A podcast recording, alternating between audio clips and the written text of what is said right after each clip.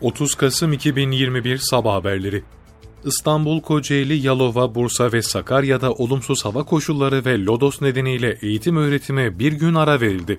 İstanbul Valisi Ali Yerlikaya da Twitter hesabından yaptığı açıklamada İstanbul'da hayatı olumsuz etkilemeye devam eden lodos nedeniyle eğitim kurumlarımızda yüz yüze eğitime 30 Kasım Salı günü bir gün süreyle ara verilmiştir kamu kurumlarında çalışan engelli ve hamile personel izinli sayılacaktır ifadelerine yer verdi.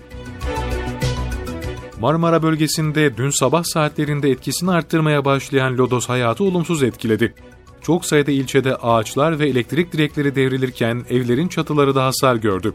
Motosikletlilerin büyük sıkıntı yaşadığı şiddetli fırtınada İstanbul Valiliği yeni bir karar aldı. İstanbul Valisi Ali Yerlikaya Twitter hesabından yaptığı açıklamada İstanbul'da hayatı olumsuz etkileyen lodos ve fırtına nedeniyle trafik, seyir ve can güvenliğini sağlamak için bugün 23'ten yarın 18'e kadar motokuryelik yapılmayacak, motosiklet ve elektrikli skuterlar kullanılmayacak ifadelerini kullandı. Sağlık Bakanı Fahrettin Koca sosyal medya hesabından Marmara bölgesinde yaşanan Lodos fırtınasına ilişkin açıklamada bulundu.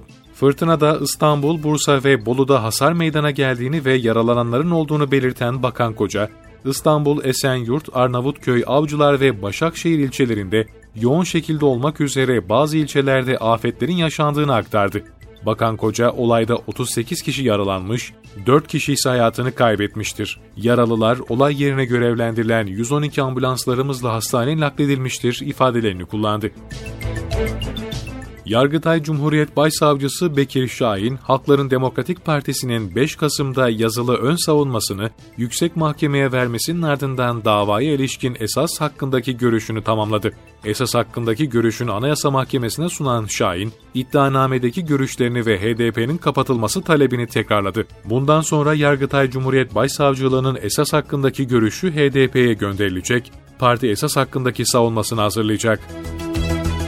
Türkiye'de dün 358.816 COVID-19 testi yapıldı, 24.317 kişinin testi pozitif çıktı, 189 kişi hayatını kaybetti. Sağlık Bakanlığı günlük koronavirüs tablosunu paylaştı. Buna göre dün 358.816 COVID-19 testi yapıldı, 24.317 kişinin testi pozitif çıktı, 189 kişi hayatını kaybetti. İyileşenlerin sayısı ise 23.273 oldu. Dışişleri Bakanı Mevlüt Çavuşoğlu, Letonya'nın başkenti Riga'da düzenlenecek NATO Dışişleri Bakanları toplantısına katılacak.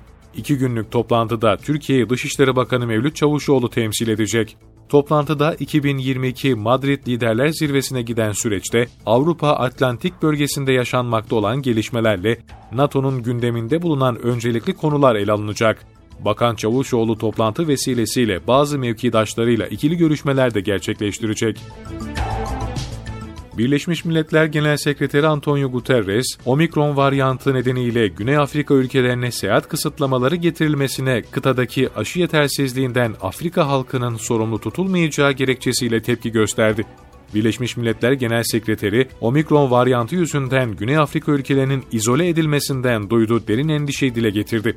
Aşı yetersizliğinin varyantlar için bir üreme alanı olduğu konusuna defalarca uyarıda bulunduğunu belirten Guterres, Afrika'da aşı yetersizliği yüzünden aşılama oranlarının düşük olmasından Afrika halkının sorumlu tutulamayacağını söyledi.